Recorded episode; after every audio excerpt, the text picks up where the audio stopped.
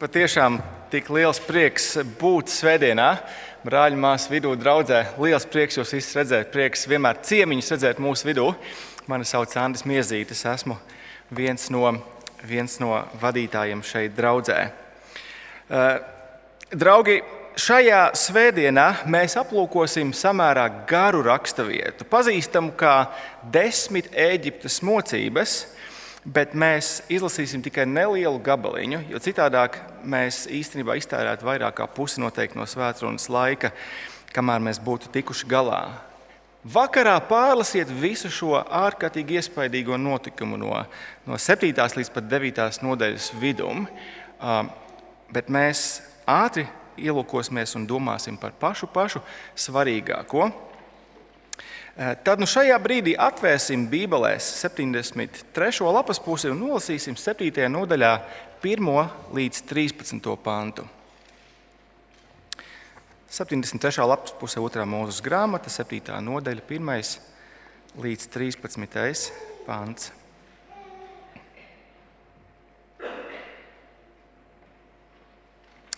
Kungs teica Mozum: Redzi, es tevi iecelšu faraonam par dievu un tavs brālis Ārons būs tavs pravietis. Tu runāsi visu, ko es tev pavēlu, bet tavs brālis Ārons runās ar faraonu, lai viņš atlaiž Izraēla dēlus no savas zemes.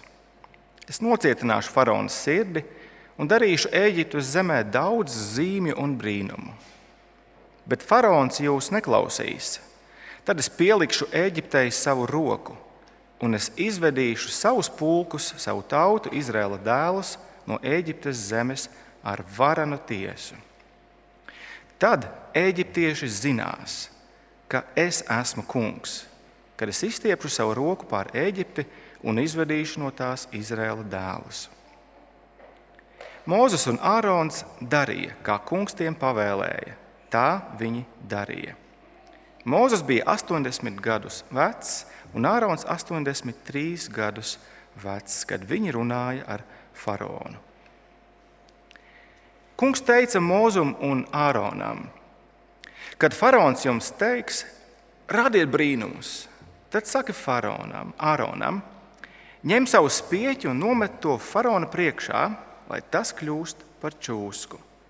Tad Mozus un Ārons gāja pie faraona. Viņi darīja, kā kungs bija pavēlējis. Ārons nometa savu spieķi faraona un viņa kalpa priekšā, un tas kļuva par čūsku.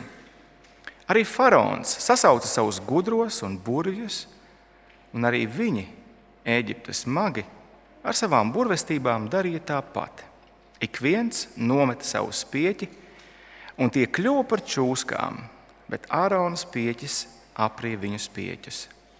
Tomēr faraona sirds nocietinājās, un viņš uz tiem neklausījās, kā kungs bija teicis. Pirms mēs pārdomājam šo un visu atlikušo sadaļu, ļaujiet, es vadīšu mūs pavisam īsā lūkšanā.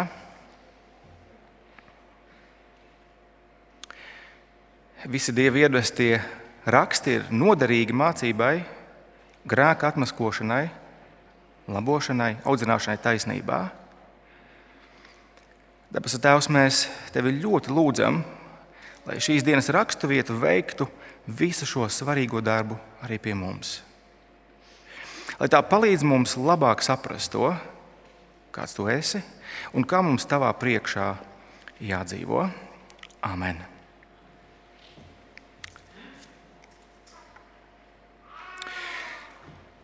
Ja Dievs ir, tad kāpēc Viņš neatklāja sevi skaidrāk?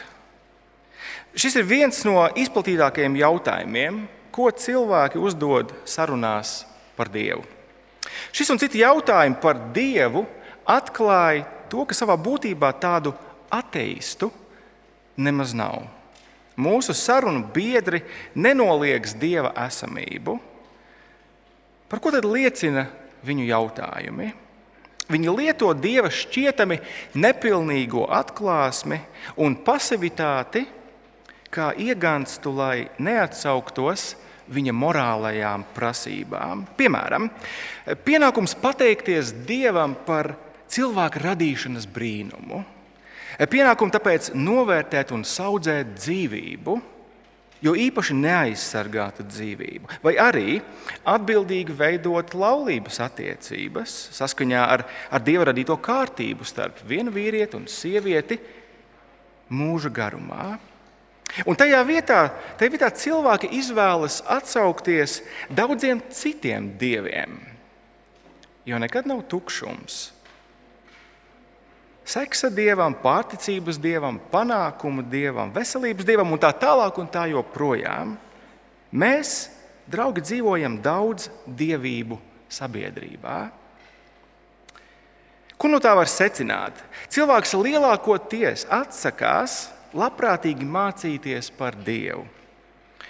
Nesāpīgs mācīšanās veids būtu pievērst uzmanību tam, ko Dievs par sevi ir atklājis apkārt esošajā radībā, un, protams, īpaši svētajos rakstos. Tajā vietā cilvēks ir pārsteidzoši gatavs mācīties caur sāpīgo pieredzi, ko viņa dzīvē ienes izvēles kalpot viltus dieviem. Tad nu, cilvēks saka, ja Dievs ir, tad kāpēc viņš sevi nav skaidrāk atklājis? Citiem vārdiem sakot, kas tavs Dievs tāds ir, ka man viņam būtu jāklausa?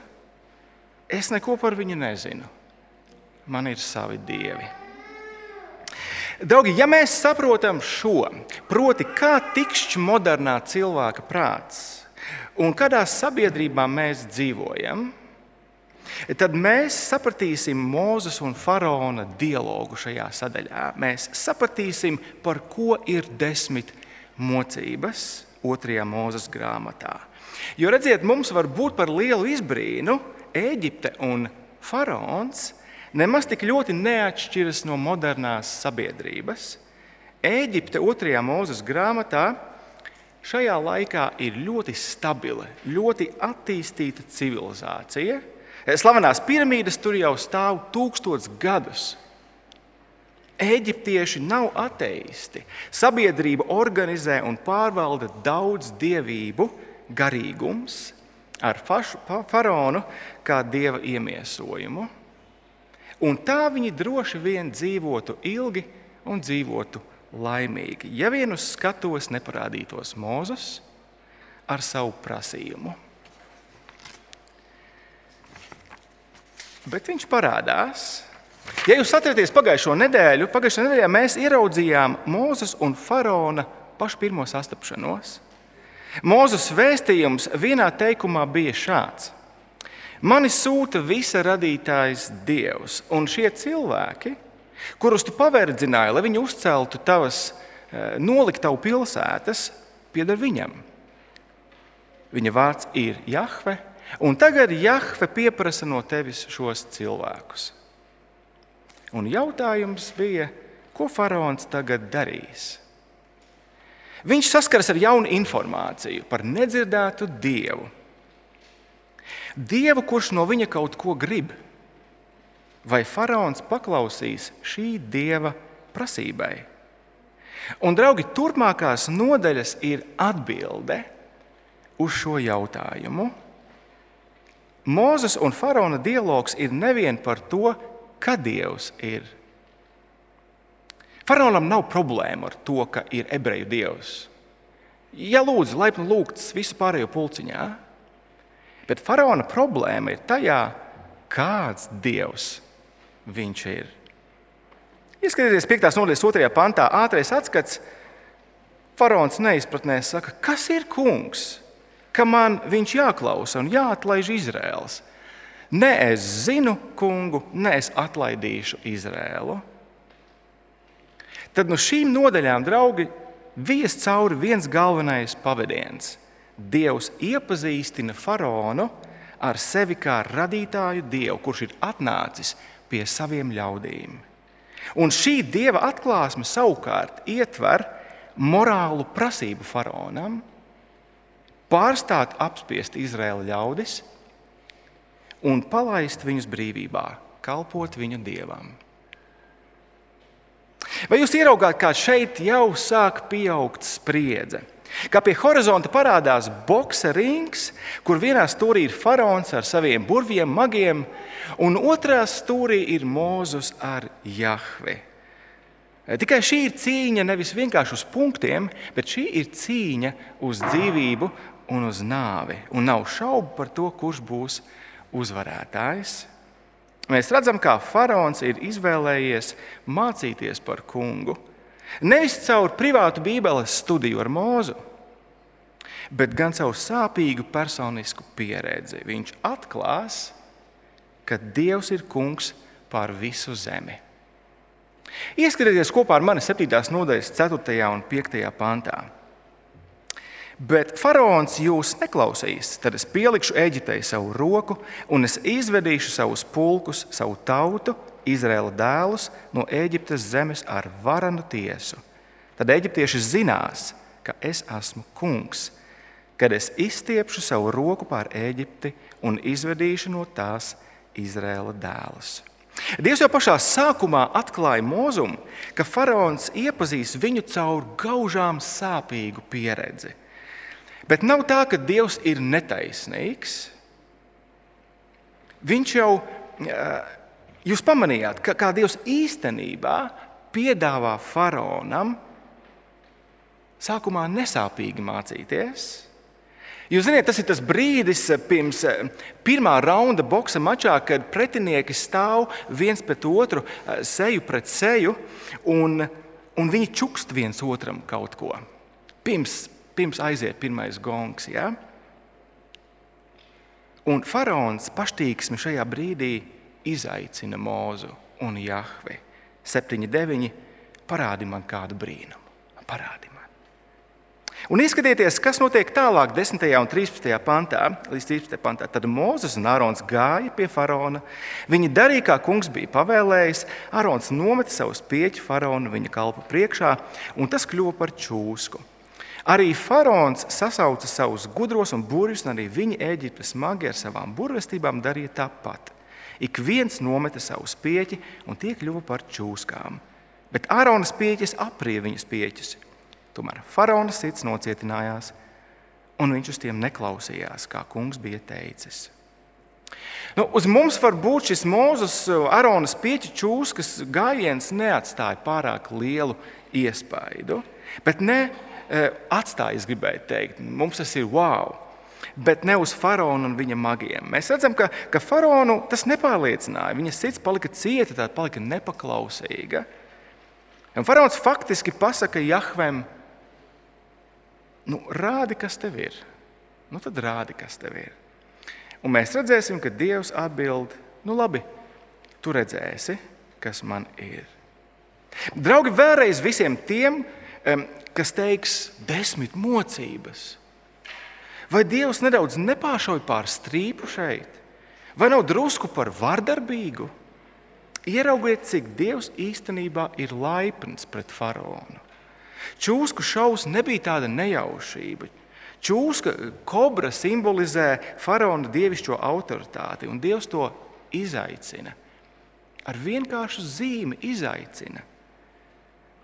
Līdz ar to brīnums ar šo čūsku nevardarbīgā veidā faraonam pateica šādi: Puisi, es samalšu tevi miltos.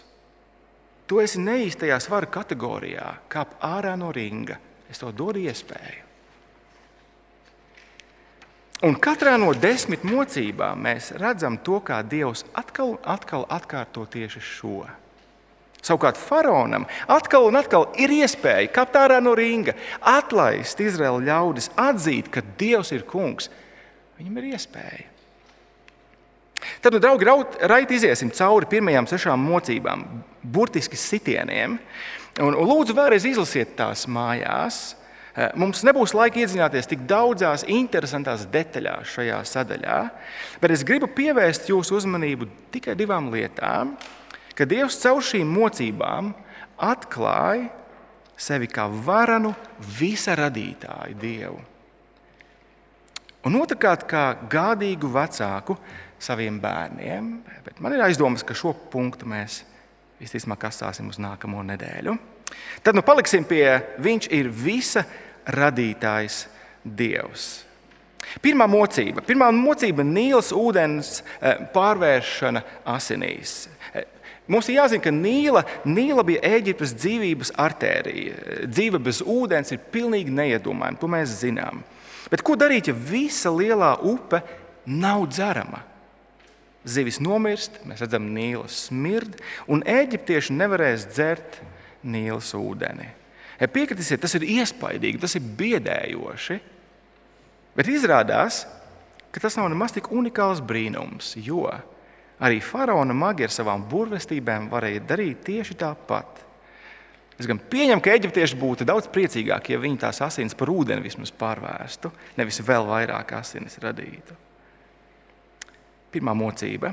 Otrā mocība - vardes.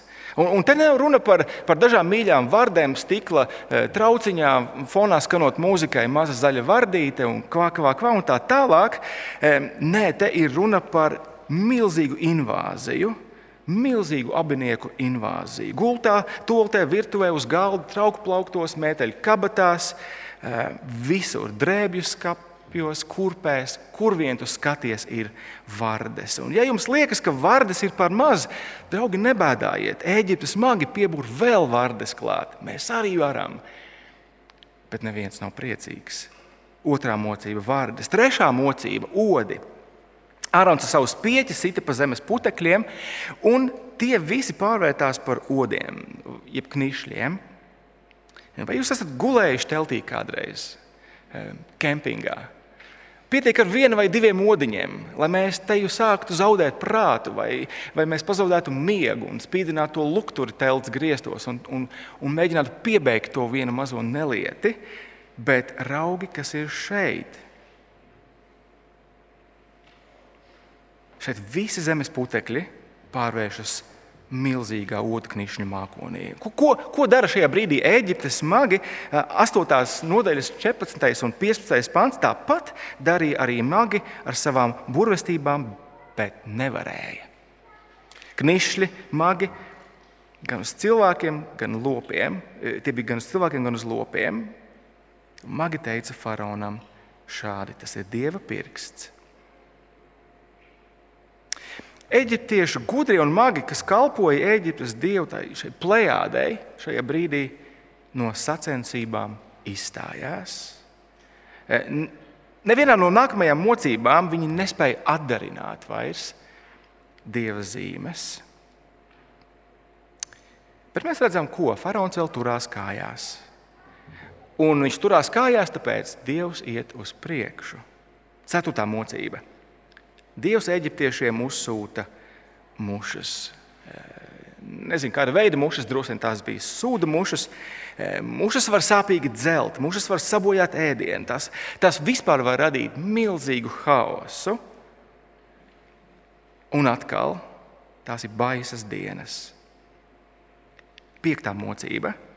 Dievs pār visiem eģiptiešu lopiem, zirgiem, ezeriem, kamieļiem, vēršiem, aitām, visiem liek nākt lopu mērim.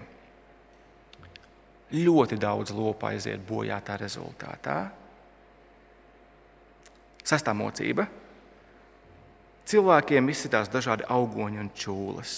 Tas, tas rada milzīgu diskomfortu, kasīšanos, sāpes. Un autors īpaši izceļ to, ka magi vispār nespēja sacensties ar mūzu, jo šie augoņu čūlas ir pieveikuši arī viņas. Mēs ieraugām veselus sešus sitienus, mocības, vienu pēc otra, pēc kārtas. Un mēs ieraugām, ka faraons neizskatās pēc uzvarētāja.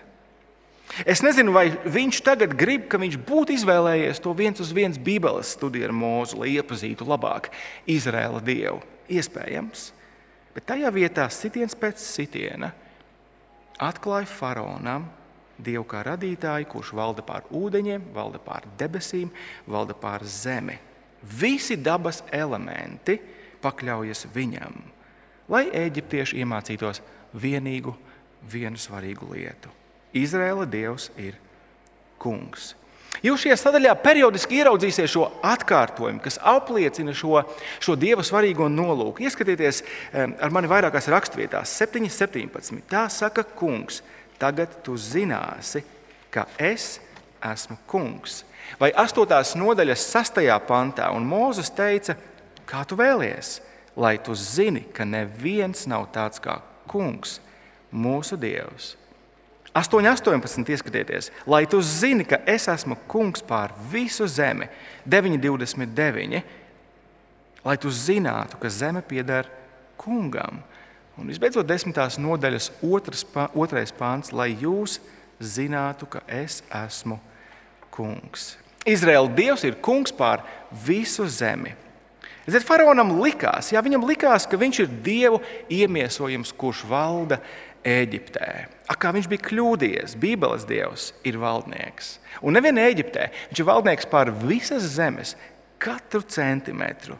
Viņam nav konkurentu, nav neviena cita dieva varas, spēka, enerģijas, kas būtu tāds, kāds ir šis dievs. Es domāju, ka mums nav grūti saprast, kāpēc šāds dievs, šādam dievam ir tiesības uz morālu prasījumu. Pareizi. Uz jebkāda veida prasījumu pie cilvēkiem. Ja, ja mēs esam kādi, kam pieder nekustamais īpašums, mēs to saprotam. Mēs esam saimnieki. Mēs nosakām to, kas ar šo īpašumu notiks. Mēs nosakām to, eh, vai tajā kāds dzīvos, vai, kāds, vai mēs kādam izīrēsim to. Kā šiem cilvēkiem tajā īpašumā ir jādzīvo. Mums ir tiesības noteikt to pareizi. Ja mēs esam eh, kādi uzņēmēji, mēs, mēs, mums ir tiesības noteikt mūsu uzņēmuma vīziju darbinieku atalgojumu, kas darbiniekiem ir jādara, kas viņiem nav jādara. Mēs rakstām darba aprakstus. Mēs saprotam to pareizi. Un, ja Dievs ir valdnieks pār visu pasauli, Viņš ir galvenais. Ļoti vienkārši. Viņš ir noteicējis. Viņš ir tas, kurš pasaka to, kas ir labs, kas ir ļauns, ko ir brīvi darīt, ko nedrīkst darīt. Viņš nosaka to, kā zemes iedzīvotājiem ir jādzīvo, kas viņiem ir jādara. Bet viens interesants jautājums man, man nelika mieru. Kāpēc faraonam tas nebija tik acīm redzami? Kāpēc viņš uzreiz nesaprata, ar ko viņam ir darīšana? Kāpēc eh, mēs esam jau pie sastā raunda, ja tā tad sastās mocības, un viņš vēl turās kājās? Kāpēc viņš pēc katras sitiena turpina celties, lai atkal saņemtu kārtējo knockdownu? Vēlreiz, kas ir kungs, ka man ir jāklausa viņam, ka man jāatlaiž Izraels? Es nezinu, kungu. Es viņu nelaidīšu. Draugi, atcerēsimies šajā brīdī, ka faraons un eģiptieši bija politeisti. Šis, šis svešvārds ir nekas cits kā, kā apraksts cilvēkiem, kas tic un pielūdz daudz dievus. Piemēram, pērkona dievu, piemēram, krustas dievu, piemēram, abinieku dievu, mušu dievu, lielopu dievu un tā tālāk. Un tā joprojām. Pagānu dievības nebija draudzīgas, tās bija ļoti konkurējošas, naidīgas, karojošas savā starpā.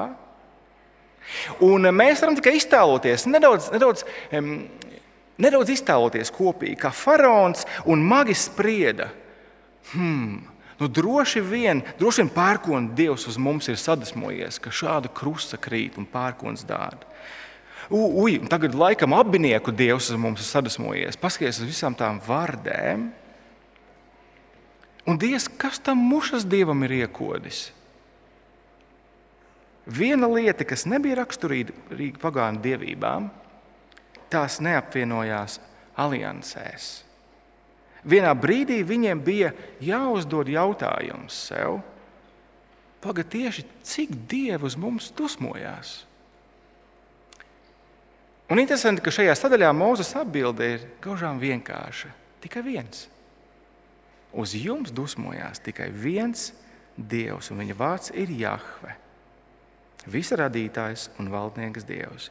Un, draugi, tas izskaidro to, tā, kāpēc faraons un eģiptieši nemaz tik ātri negribēja atzīt to, ka aiz visiem šiem sitieniem un mocībām ir nevis daudz dusmīgi Eģiptes dievi, eh, kuriem ir jāpienes kādi upuri un viņus, viņus, jānokušina, bet ka aiz tā visa stāv viens vienīgs debesu un zemes radītājs, valdnieks, kungs. Ja Dievs ir tad kāpēc viņš neatklāja sevi skaidrāk? Draugi, kā šis jautājums tagad palīdz tev iesaistīties sarunās par Bībeles Dievu? Kad mēs esam padomājuši nedaudz par šo sadaļu un rakstu vietu, manuprāt, trīs lietas noslēgumā. Tu savam sarunu biedram vari pilnīgi droši pateikt, Dievs ir sevi ļoti skaidri atklājis. Viņš to izdarīs Eģiptiešiem un faraonam pirms vairāk nekā 1300 gadiem. Nāc, paskatīsimies kopā Bībelē. Mēs to ieraudzīsim. Kā Dievs caur desmit mocībām skaidri atklāja sevi kā, kā Dievu, kurš ir radījis debesis, kurš ir radījis zemi, kurš valda, kontrolē visus procesus. Nāc, mācīsimies kopā. Jo viņam nav pienākums turpināt šādi atklāties ikvienam, kurš, kurš šaubās par to, vai Dievs ir. Un galu galā, vai tu tik tiešām gribētu, ka Dievs tev personiski atklājas šādā veidā, kā viņš to darīja faraonam? Vai tev tiešām šķiet, ka tu paliksi kājās, kad viņš to darīs? Vai drīzāk no tevis nepaliks slapja vieta. Nāc, palasīsim kopā Bībeli, jo Dievs turpina atklāties. Viņš turpina atklāties. Un, draugi, šādā veidā runājot, jūs eh, nonāksiet, nonāksiet Bībelē līdz tam, kā Dievs dara sevi zināmu, vēl skaidrāk. Jēzus personā. Jūs ieraudzīsiet, kā Jēzus iet kādā brīdī pa ūdens virsmu pie saviem mācekļiem laivā, Tieši tāpat kā Dievs gāja garām mūzumu, klints spraugā, atklājot savu godību ceļā uz apsolīto zemi. Jūs atklāsiet, ka Jēzus ir tas pats Dievs radītājs, kurš, kurš vada dieva ļaudis jaunajā iziešanā. Ja, nevis no tirāniskā Eģiptes valdnieka varas, nē, bet gan no sātana un grēka varas. Dievs ir skaidri atklājies, ļoti skaidri atklājies. Bet otra lieta, man ir aizdomas, ka sarunu biedra iebildums īstenībā ir tikai iegansts. Iegansts, kāpēc neatdot savas dzīves vadības grožus Dieva rokās? E, ziniet, cilvēku iebildumus kādreiz baro šī, šī ilūzija, ka viņi paši kontrolē savu dzīvi. Un kaut kādā ziņā mēs sakām, vai tā nav? Mēs izvēlamies skolu saviem bērniem, mēs mācāmies, mēs izvēlamies darbu, mēs, mēs pelnām iztiku, mēs īstenojam savus sapņus, mēs realizējam savus plānus. Mēs, mēs, mēs. Un, un, protams, tas viss ir labi. Mums ir jādzīvo šajā pasaulē. Gudri, atbildīgi, čakli. Bet nav labi tas, ja mēs darām to bez jebkādas atskaites punkta radītājā Dievā. Eh, tu vari būt vis, vis, visietekmīgākais un varenākais valsts vadītājs. Tu vari ierindoties bagātāko cilvēku top 10. Tu vari darīt daudz dažādas lietas, ko tev sirds kāro, bet atceries, atceries, ka Dievs ir kungs pār zemi. Draugi, es domāju, ja ir viena lieta, ko mēs varam mācīties no šīs jau divus gadus ilgās Covid pandēmijas, tad tā ir šī, ka mēs kā cilvēki tik kār, kārtīgi niecīgi maz kontrolējam savu dzīvi. He, īstenībā, īstenībā mēs ieraugām, cik maz arī valsts vadītāji un valdības kontrolē situāciju pasaulē. Bet cik labi, ka Dievs valda, cik labi, ka Dievs kontrolē to, kas notiek. Un noslēdzošā trešā lieta, visbeidzot, cilvēku iebildums par to, ka Dievs varētu darīt sevi skaidrāk zināmu, ir gluži vienkārši nevēlēšanās paklausīt viņa, viņa morālajām prasībām. Kā jau mēs sākumā domājam, tajā, tajā vietā cilvēki izvēlas vargot neīstiem dieviem, jo mēs dzīvojam daudz dievību sabiedrībā Ziniet, ja cilvēki būtu pilnīgi godīgi pret sevi un pret citiem, tad mēs dzirdētu vienu pēc otra šādus apgalvojumus. Es negrasos pārstāt skatīties pornogrāfiju, vai gulēt ar savu draugu vai draugu, jo es īstenībā vargoju seksa dievam. Tieši tik vienkārši. Vai arī man vajag jaunu mašīnu, man vajag lielāku māju, lielāku televizoru, lielāku suni, lielāku vēl daudz ko citu, jo es īstenībā es vergoju naudas dievam. Vai arī es nevaru veltīt laiku savai sievai un saviem bērniem, jo es vergoju karjeras dievam. Vai arī šis es neko negribu zināt par citu cilvēku ciešanām un vajadzībām šajā Covid laikā. Jo es īstenībā vargoju komforta dievam. Ja cilvēki būtu pilnīgi godīgi pret sevi, pret citiem, mēs dzirdētu šādus skaidrus patiesības apliecinājumus. Un, draugi, es domāju, ka tieši tāda ir dzīve aiz daudz dievību plīvura šajā modernajā sabiedrībā. Tāda tā ir. Un, lai arī šāda domāšana neraksturo kristiešu dzīvi, es ticu, Es domāju, ka mēs, mēs varam sajust vilkli. Mēs varam sajust vilkli kādos no šiem aspektiem pareizi. Draugi, tāpēc mums paliek turpināt mācīties, mācīties iepazīt Dievu no viņa rakstiem, labprātīgi, kā kungu visaradītāju, valdītāju, kurš valda pār mūsu dzīvi, kurš valda pār visu pasauli. Draugi, lūgsim, lūgsim lai Dievs mīkstina mūsu sirdis savam vārdam. Lai mēs tiešām varam turpināt mācīties no viņa atklāsmes, nevis no, no, no savas sapīgās dzīves pieredzes, no kļūdām, kuras mēs izdarām. Mēs tās darīsim, protams. Un visbeidzot, draugi, kalposim viņam ar prieku. Tas ir visatbrīvojošākais, vissaprātīgākais, ko darīt ar savu dzīvi. Kalpot radītājiem un glābējiem. Tas mūs ievedīs jau nākamās nedēļas tēmā, bet nākamās nedēļas tēma būs nākamajā nedēļā. Lūksim Dievu!